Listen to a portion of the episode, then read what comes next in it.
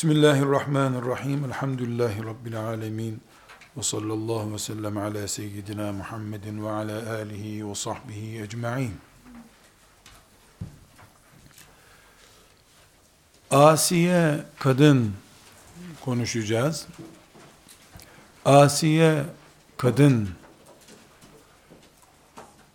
bize Firavunizm şartlarında bile Allah'a imanını güçlü tutabilen kadın mesajı veriyor dedik. Tahrim suresinde Rabbimiz hem Asiye annemize hem de Meryem annemize işaretler gönderiyor. Tahrim suresinin tefsirini okuyalım dedik. İnceleyelim dedik. Okuduk, inceledik. Oradan zihnimize notlar aktardık. Topluca Tahrim suresini beraberce mütalaa edelim, özetleyelim. Bundan davetçi kadın olarak, asiye olmak isteyen kadın olarak ders çıkaracağız. Çok dersler çıkaracağız. Yalnız zihninizde asla unutmayacağınız bir soru sizlere sormak istiyorum. Tahrim suresindeki içeriğe geçmeden önce Meryem'i bir hatırlayınız. Rabbimiz bütün mümin erkek ve kadınlara Asiye gibi ve Meryem gibi olun diyor Tahrim suresinde. وَضَرَبَ اللّٰهُ مَسَلًا لِلَّذ۪ينَ آمَنُوا İman edenlere de Allah örnek olarak Firavun'un karısını gösteriyor. İmran'ın kızı Meryem'i gösteriyor. Hiç şüphe yok ki ideal kadın, ideal mümin, ideal davetçi, ideal yani örnek alınabilecek Müslüman tipi Asiye'dir, Meryem'dir. Bunu münakaşa etmeye gerek yok. Neden? E, Rabbimizin sözü açık. وَضَرَبَ اللّٰهُ meselen Allah örnek veriyor. Lillezine amenu iman edenler için. Kim iman edenlerin içinde kendisini örnek istiyorsa Asiye ile Meryem'e baksın diyor Rabbimiz. Bunu 12. ayetinde Tahrim suresinin çok iyi anladık. Bununla ilgili e, bir tereddüdümüz olamaz. Meryem ve Asiye iyi kadın mıdır değil midir?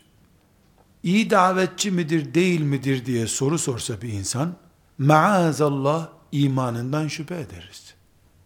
Neden? Çünkü Allah örnektirler diyor. Haşa Allah'ın örnektir, iyidir dediğini Müslüman olabilir diye şüpheyle karşılayabilir mi? Dolayısıyla Asiye ve Meryem. Bu iki isme dikkat edelim sonra Sure-i Celile'nin bütününden anlam çıkartacağız. Asiye örneğini alalım. Örneğimiz bizim. Teheccüd namazı kılmakta mı örnek oldu? Tesettüründe mi örnek oldu? Kur'an mı okumuştu? Çok mu zekat vermişti? Çok mu meydanlarda kafir öldürmüş, cihad etmişti? Allah nesini bunun örnek gösterdi bize? Mesela çok iyi bildiğiniz Rabiatul Adeviye denen kadını örnek gösterse Allah idi, böyle olsaydı, bunu anlam verirdik. 30 sene, 40 sene evinde Allah deyip secde etmiş bir kadın hakikaten örnek. Nesibe denen ensar kadının örnek gösterse Allah, canım kurban o örneğe. Neden?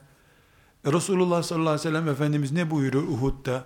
Yahu nere döndüyse gözüm, Nesibe beni müdafaa ediyor gördüm diyor. Nerede baktıysam elinde kılıç Nesibe pehlivanlık yapıyor. E o örnek gösterilir tabi. Asiye'ye bakıyoruz ki yok namaz yok. Oruç yok. Sadece küfrün başı Firavun'a karşı direniş var. Her Müslüman kadın böyle olmalı. Namaz kılmamalı, tesettüre girmemeli, oruç tutmamalı ama Firavun'u sevmiyorum demeli diyecek halimiz yok herhalde. Ama şunu diyebiliriz. Allah'ın rızasını kazanmak ve Kur'an'da kıyamete kadar en güzel davetçi kadın, erkek örneği olmayı hak etmek için çok iş yapmak gerekmiyor. Çok ihlas gerekiyor. Samimiyet gerekiyor. Rakamla sayılacak, matematiksel hesapla bilinecek işler üzerinden olacak olsaydı kalite, herhalde Asiye bir numaralı örnek kadın olamazdı. Neden olamazdı? Yaptığı bir iş yok çünkü. İman var, volkan gibi iman var içinde. Tesettür yok ama peçeli değil. Firavun'un karısı ne kadarsa o kadar. O gece sabaha kadar da namaz kılmadı. Firavun'la beraberdi çünkü. Ne namazı kılıyorsun? Elinde tesbih de yoktu. Yüreğinde iman vardı. Firavun'un ezemeyeceği kadar güçlü bir iman vardı. Allah'a davet için yola çıkmış bütün kadınlar ve erkekler, Allah'ın iyi kulu olmak için, çok çok çok iş yapmaktan önce, yürekli olmak gerektiğini bundan anlamalıdırlar. Bu birinci muhasebemiz. Asiye üzerinden. İkinci muhasebemize gelelim. Bu daha önemli. İkinci örneği kim? Allahu Teala'nın Meryem. Meryem kim? Zekeriya aleyhisselamın baldızının kızı. Yani Zekeriya aleyhisselamın hanımı Meryem annemizin teyzesi. Zekeriya aleyhisselam kim? İsrail oğullarının peygamberi. Yahudilerin peygamberi. Dolayısıyla Meryem hangi toplumda doğdu? Yahudi toplumunda doğdu. Nerede doğdu? Kudüs şehrinde doğdu. Nerede büyüdü? Kundaktan sonraki günlerini Mescid-i Aksa'da. Bizim Mescid-i Aksa diye bildiğimiz Resulullah sallallahu aleyhi ve sellem Efendimizin miraçgahı olan mescitte büyüdü. Kim orada ona bakıcılık, dadılık yaptı? Zekeriya aleyhisselam. Zekeriya aleyhisselam kimdir? Allah'ın 25 ismini saydığı peygamberden bir tanesidir. Peki, bu Meryem bize övüldü.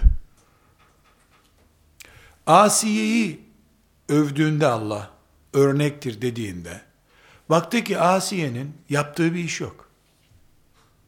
Yıllarca Firavun'un karısı olarak yaşadı.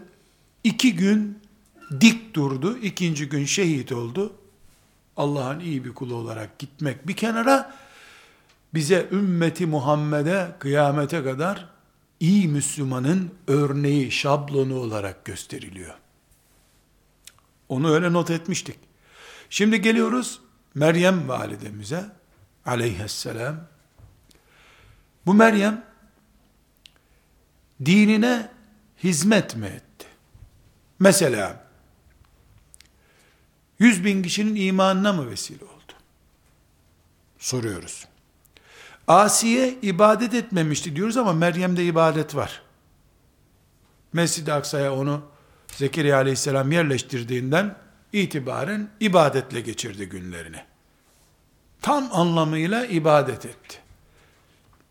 Namuslu, iffetli bir kadın, erkek güvercin bile yanına yanaşmamış. Kerametler sahibi bir kadın. Peygamberlerin bile her birinin gösteremediği kadar büyük kerametler göstermiş bir kadın. Meryem annemizin kıssası nedir? Meryem annemiz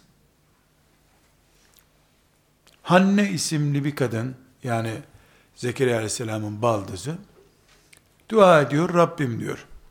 Bu insanlığın hali çok kötü. Eğer bana bir erkek çocuk verirsen ben de onu senin dininin hizmetkarı yapacağım diyor. Ali İmran suresinden okuyoruz bunu. Şu Kur'a'ya bak isimli yaptığımız derste bunu ayrıntılarıyla anlatıyoruz. Mantığı üzerinde duruyoruz.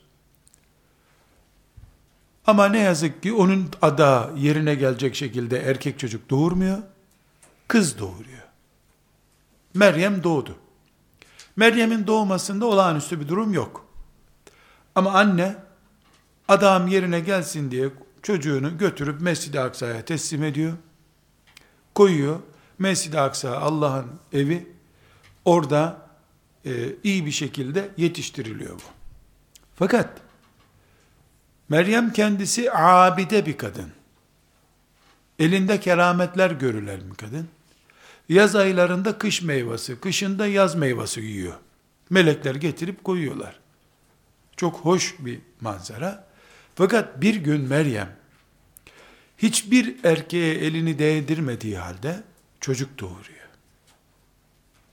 Nitekim Tahrim suresinin son ayetinde Allah Teala buna işaret ediyor. Kur'an Meryem'in iffetli namuslu bir kadın olduğunu ama İsa'yı doğurduğunu söylüyor. Şimdi tekrar başa dönelim. İki kadını Allah örnek gösterdi diyoruz.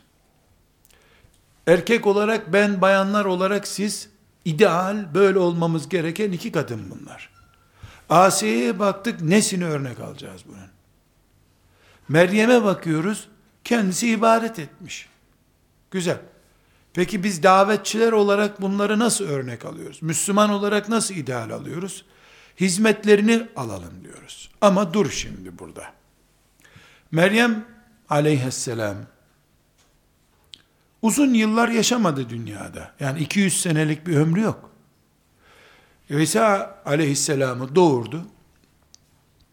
İsa aleyhisselam babasız doğunca aslında Allah'a iman eden ve o zamanın Müslümanı olan Yahudiler büyük bir fitneyle karşılaştılar. Mescid-i Aksa'da bildiğimiz Yahudiler için, bizim için zaten öyle, Yahudiler için de en mübarek yer olan Mescid-i Aksa'da büyümüş bir çocuk bu.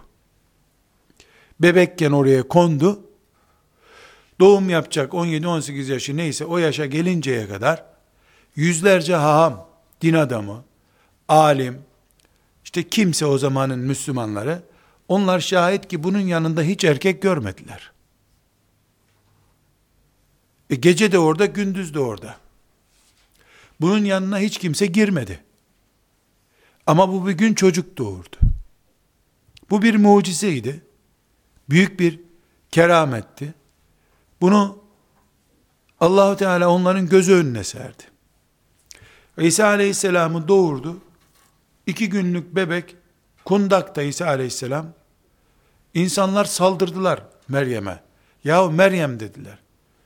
Senin baban namuslu adamdı. Sen niye böyle iş yaptın dediler. Yani ne demek istiyorlar? Yakışmadı sana sen kötü bir şey yaptın herhalde. E çaresiz kaldı zavallı Meryem. Ne diyeceğini şaşırdı. İki günlük yeni doğmuş olan ya da üç günlük neyse İsa aleyhisselam dile geldi. Dedi ki ben Allah'ın kuluyum. Allah beni peygamber yapacak. Deyip konuştu. Gözleriyle bu bunu gördüler. Yani bir dün doğmuş çocuk bugün konuşuyor. Bir de ha hu süt isterim annem nerede demiyor. Ben peygamberim diyor. Anneme de iyilik yapmayı Allah emretti bana diyor. Çok enteresan. Böyle dese ki mamam nerede biberonumu verin anlayacaksın. Çocuk konuştu. Bir yaşında konuşacaktı da konuştu. iki günlükken diyeceksin. Büyük laflar ediyor çocuk. Anneme hizmet edeceğim ben diyor. Ben Allah'ın kuluyum diyor. Şimdi büyük bir kaos oldu. Zekeriya aleyhisselamı sıkıştırdılar başıma bela, başımıza bela ettim bu kadını diye. E, anası şaşırdı, Meryem şaşırdı. Şimdi Rabbimiz burada altı çizilecek bir noktaya gelelim. Rabbimiz Meryem sizin örneğinizdir diyor. Şimdi Meryem validemiz İsa aleyhisselamı doğurdu. Başka bir iş yapmadı. Yapacak fırsat bulamadı. Dünya başına çullandı. Rakamlara dikkat edin. Dünyada şu anda ne kadar Hristiyan var? En az 2 milyar. 2000 senedir de dünyada Hristiyan var. 2,5-3 milyar da o zamandan beri Hristiyan vardı diyelim. Üç tane beş tane iyisini çıkarırsanız, Hristiyanlar, İsa Allah'ın oğludur. Haşa Meryem de Allah'ın eşidir. Diyorlar. Dedikleri için müşrik oluyorlar ve ebediyen cehennemde kalacaklar.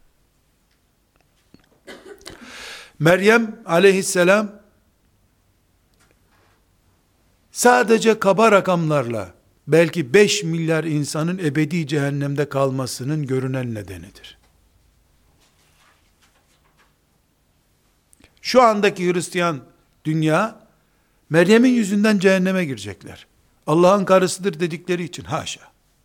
Telaffuzu diyorlar denmesi bile çirkin bir söz. Ama cehennemin belki de büyük bölümünü Meryem yüzünden kafir müşrik olarak ölenler dolduracak.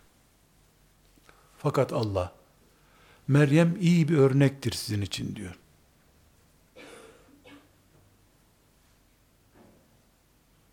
Ve Meryem ebnet İmran elleti ahsanat farcaha. فنفخنا فيه من روحنا وصدقت بكلمات ربها وكتبه وكانت من القانتين Asiye örnek, Firavun'un karısı ve İmran'ın kızı Meryem de sizin için örnek. Bir de Meryem'in ismini veriyor Allah Teala. Meryem de örnek. Namusuna sahip o kadın. Ve fercine yani kadınlığına üflediğimiz bir ruhla çocuk doğuran kadın ve Rabbinden gelen her şeye doğrudur Rabbimin dediği diyen kadın ve kanitinden olan yani ibadet eden kadın. Meryem dış dünyaya şu kadar vaaz vererek, bu kadar eğitim hizmetleri yaparak, bu kadar cihatlar ederek bir hizmet listesi çıkarmadı.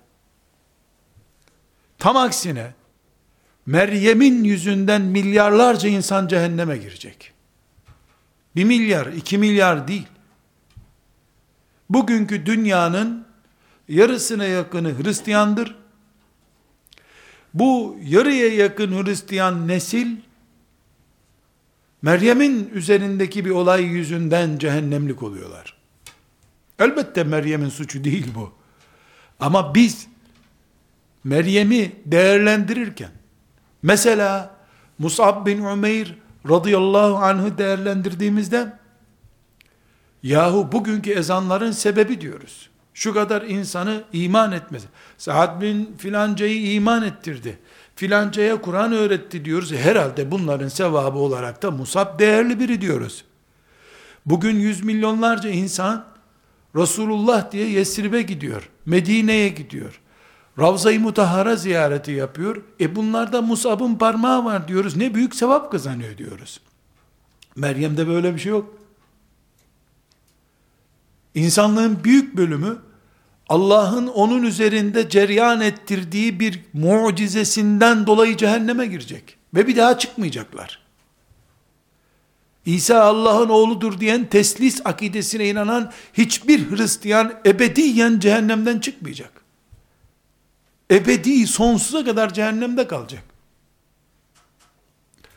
Burada donmuş olsa bile zihinlerimiz hareketleniyor ve diyoruz ki davetçi, asiye kadın, çok iyi sonuçlar elde etmek zorunda değildir.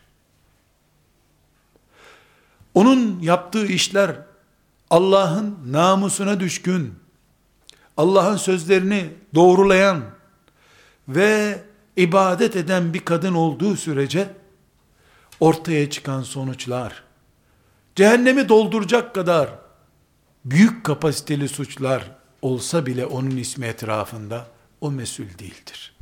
Mesul olmadığı gibi kıyamet günü cennette Resulullah sallallahu aleyhi ve sellemin yanı başında keyif sürecek. Onun yüzünden cehenneme girenler de cehennemde kaynayacaklar. Ayet ne diyor? En'am suresinde. Ey İsa, kıyamet günkü konuşmalardan Allah Teala buyuruyor. Sen mi insanlara dedin, beni ve annemi ilah edinin, yani Meryem'i ilah edinin. Yok ya Rabbi biz, sen ne dediysen onu dedik biz zaten diyecekler cevap olarak. E, dolayısıyla büyük bir fırtına kopacak. Çok büyük bir muhakeme olacak kıyamet günü Meryem'in yüzünden. Ama o Meryem bana, size ve bütün Allah diyenlere örnek gösteriliyor. Bunun gibi ol diyor. Bu da ne demek?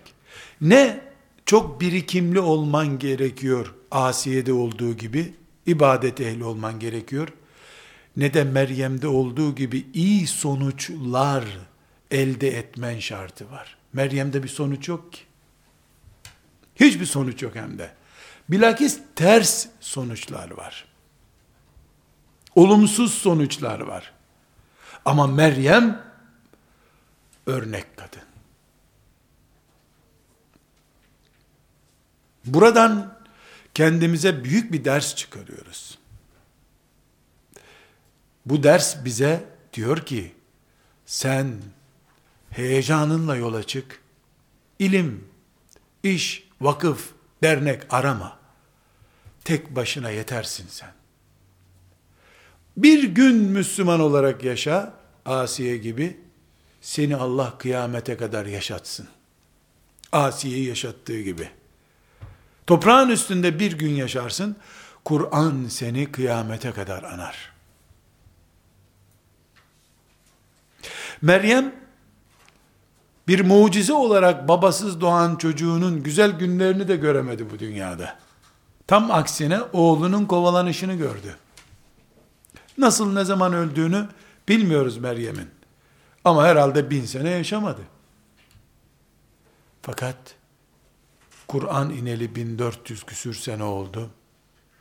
Meryem teravih namazında, Ramazan mukabelesinde, kabirlerde okunan Kur'an'da, yüz binlerce çocuğun hafızlık yaptığı ayetlerde, Meryem camilerde, Meryem medreselerde, Meryem tefsir kitaplarında, Meryem hadis kitaplarında, Meryem kadınıyla erkeğiyle bütün müminlerin gözünde tutuyor. Çünkü Rabbinden gelen her şeye evet dedi ibadetine düştü ve iffetini yüzde yüz korudu. Neredeyse bazı İslam alimleri herhalde peygamberdi Meryem diyecekleri kadar çok yükseklere tırmandı. Bu iki kadının Tahrim suresindeki anlatılışı ve ümmeti Muhammed'e Allahu Ekber diyen herkese örnek gösterilişinden bu iki noktayı çıkarıyoruz. Evet Meryem'de ibadet var. Asiye'de ibadet yok. Asiye'de sadakat var, imandan taviz vermemek, vermemek var, ölüme razı olmak ama küfre karşı, kafire karşı yalakalık yapmak yok. Meryem'de de sonuç ne olursa olsun Allah'ın mucizesine teslim olmak var, kadere teslimiyet var. Onun etrafında milyarlarca insan cehenneme yanmış, girmiş. Meryem'e zararı yok bunun. Zararı olmadığı gibi karı da var belki de. Çünkü Allah Meryem'i ve oğlu İsa'yı hüccet olarak önlerine koyacak bütün insanların. Pek çok insan Meryem'i tanıyor musun? E tanıyorduk. Hani Allah'ın eşiydi? Doğurduğu da Allah'ın oğluydu. Denecek, cevap veremediği için cehenneme girecek. Bu Tahrim suresinin son iki ayetinden alıntılamamız gereken sonuçtu. Tahrim suresini okuduk, tefsirini inceledik. Şimdi topluca Tahrim suresini bir kere daha hatırlayalım ve Tahrim suresinden Allah'a davet için yola çıkan, asiyeleşmek isteyen her kadının topluca ne anlaması gerektiğini bir kere daha konuşalım. Tahrim suresi adı üstünde haramlaştırma kelimesinden alıyor bu ismi. Olay ne? Resulullah sallallahu aleyhi ve sellem Efendimizin hanımları ile ilgili ayetlerle başlıyor sure.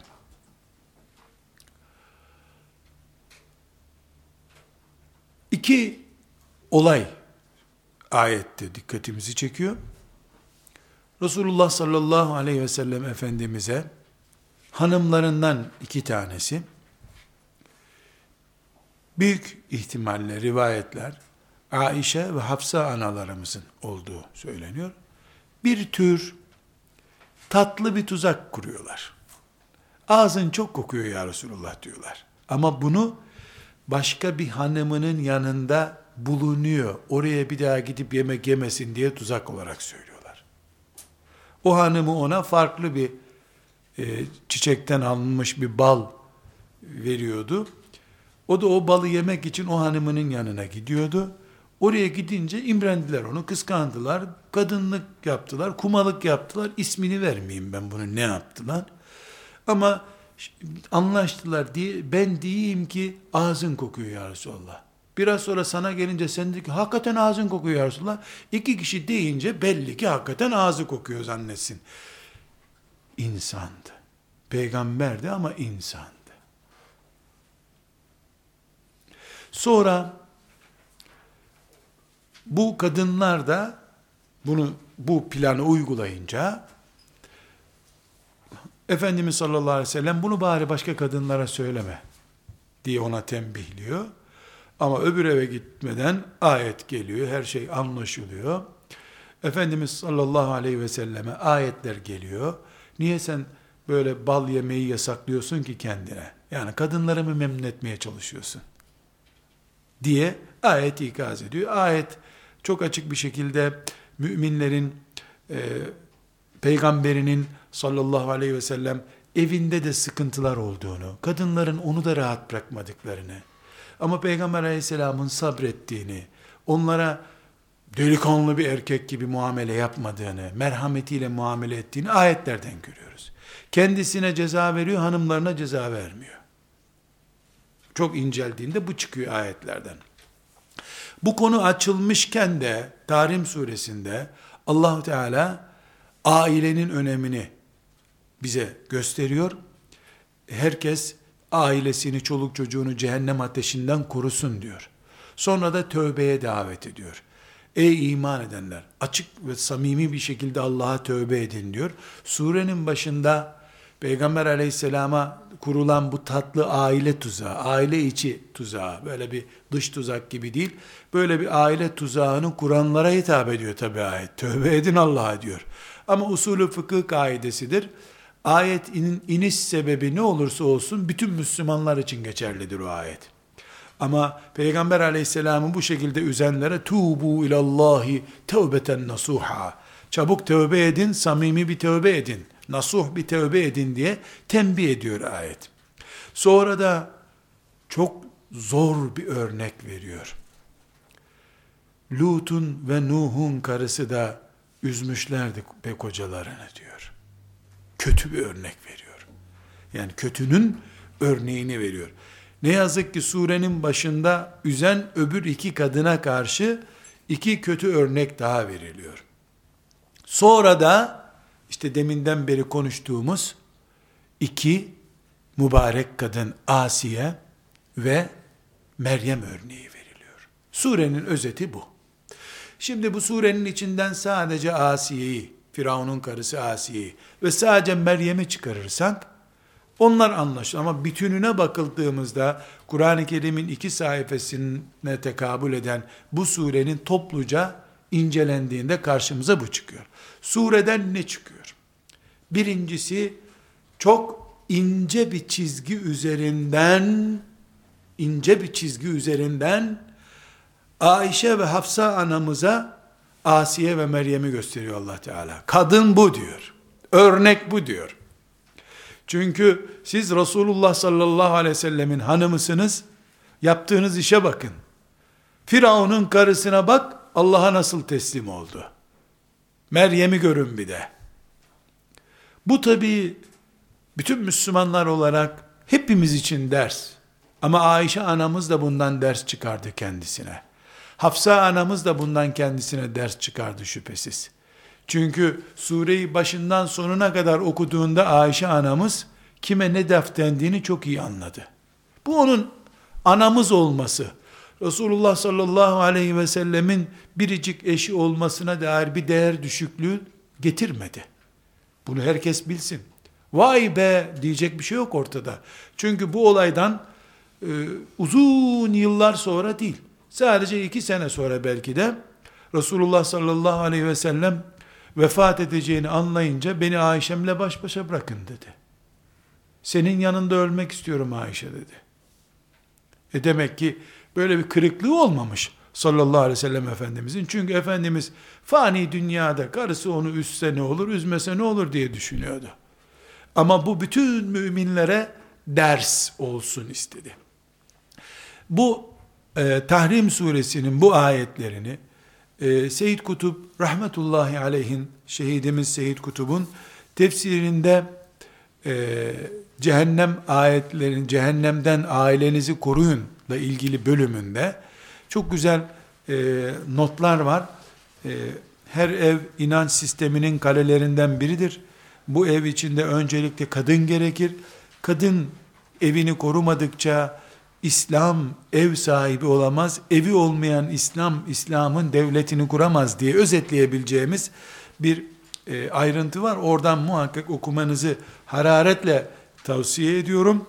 E, çünkü e, Seyit Kutub'un bu surenin e, tefsirini yaparken ortaya koyduğu sözlerinden çok derin manalar çıkıyor. Özet olarak ben aynen aktarmıyorum. Özet olarak e, yani peygamber bile olsan, hatta peygamberlerin sultanı Muhammed sallallahu aleyhi ve sellem bile olsan, hanımın seni üzdü, yüzünü kızarttı, mahcup etti, endişe ettirdiyse, sen huzurlu bir şekilde gelip mescitte namaz bile kılamazsın. Nitekim bu olay Efendimiz üzdü. Üzüldüğü için de canı sıkıntılı olarak Mescid-i Nebi'ye geldi. Hanımları ilk defa da yapmış değillerdi bunu. Ahzab günlerinde de böyle üzdüler onu. Bu yüzden erkeklerin sekine buldukları ev, ümmeti Muhammed'in Allah'a kulluk için yaşadığı İslam toplumudur diyoruz biz. Bunun için kadının evini kaleleştirmesi, sekine merkezi haline getirmesi cihadıdır diyoruz.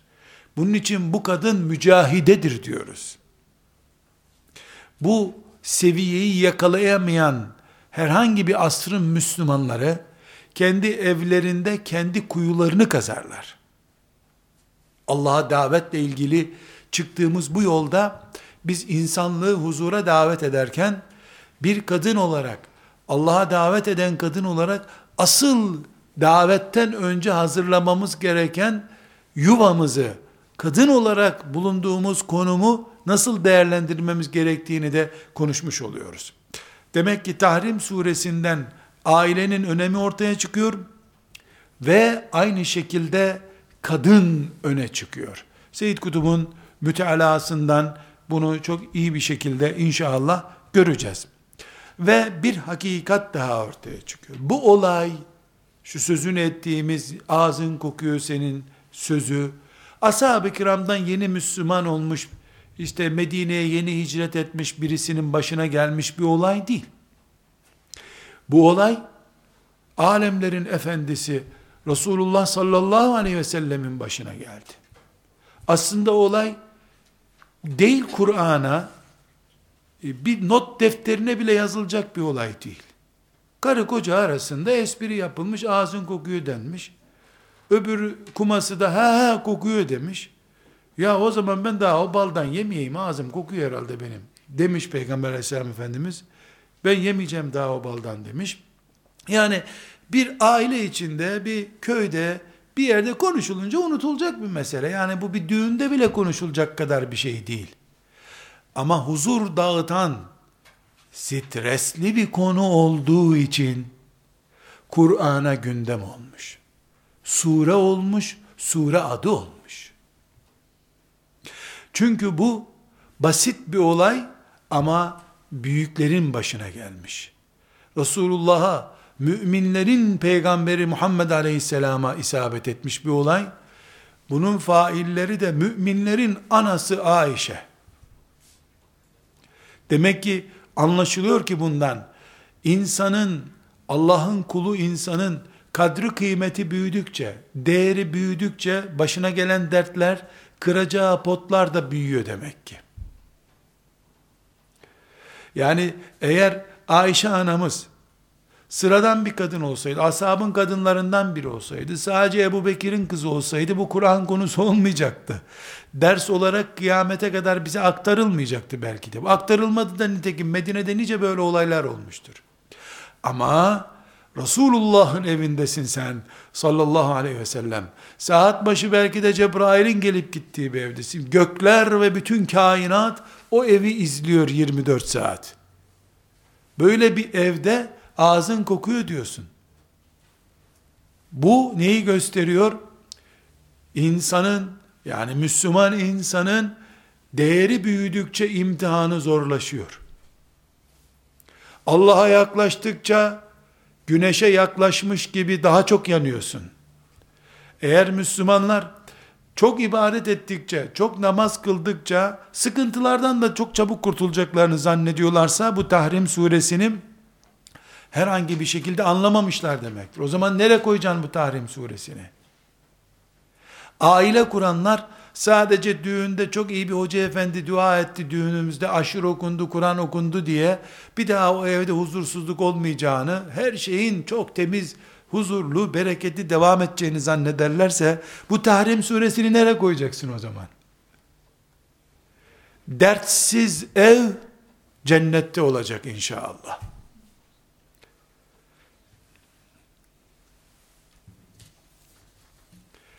Ama bizim bu dünyadaki evlerimiz evden çok çilehane gibi olacak. Çocuklarından, eşlerinden çileler çekecek insanlar. Maddi çile çekmezse hastalık çilesi çekecek. Hiçbir çilesi yoksa asıl çekmesi gereken çile o zaten. Niye seni Allah dertsiz bıraktı? Şu en çok sevdiği peygamberinin evindeki sıkıntılara bak. Mübarek senin evin sarayı gibi hiçbir dert yok. Oturup iyi düşünmek gerekecek o zaman. Şikayet yok. Ne hastalığa, ne sıkıntıya, ne ızdıraplara, ne hicrete, ne depreme, ne musluk patlamış, evin altısı olmuş, camları kırılmış, kaloriferi yanmıyormuş. Dünya bu, çilehane zaten. Ev değil ki bu. Beton yığını. Böyle ev mi olur be? Kafama düşecek diye korktuğum yere ev mi denir? Ev inşallah sıkıntıların göğsümüzden gittiği, her şeyin zevke dönüştüğü cennet diyarı olacak. Darusselam. Allah bizi oraya çağırır. Vallahu yed'u ila darisselam. Allah sizi selam yurduna çağırıyor. Selam yurdu için çalışır mümin. Çilehane burası. 10 sene mi 50 sene mi kaderimizde ne yazılmışsa o çileyi çekmek zorundayız. Bu ders nereden çıktı?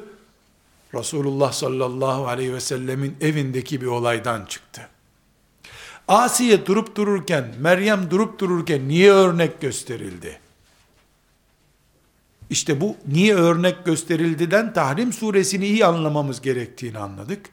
İnşallah sizler Allah'a davete kendisini kurban etmiş, bu uğurda ömrünün sonuna kadar çalışmaya karar vermiş kimseler olarak hem bu Tahrim suresi 12-13 ayet kısa bir suredir. Hem bunu böyle Fatiha-i Şerife gibi ezberleyeceğiz.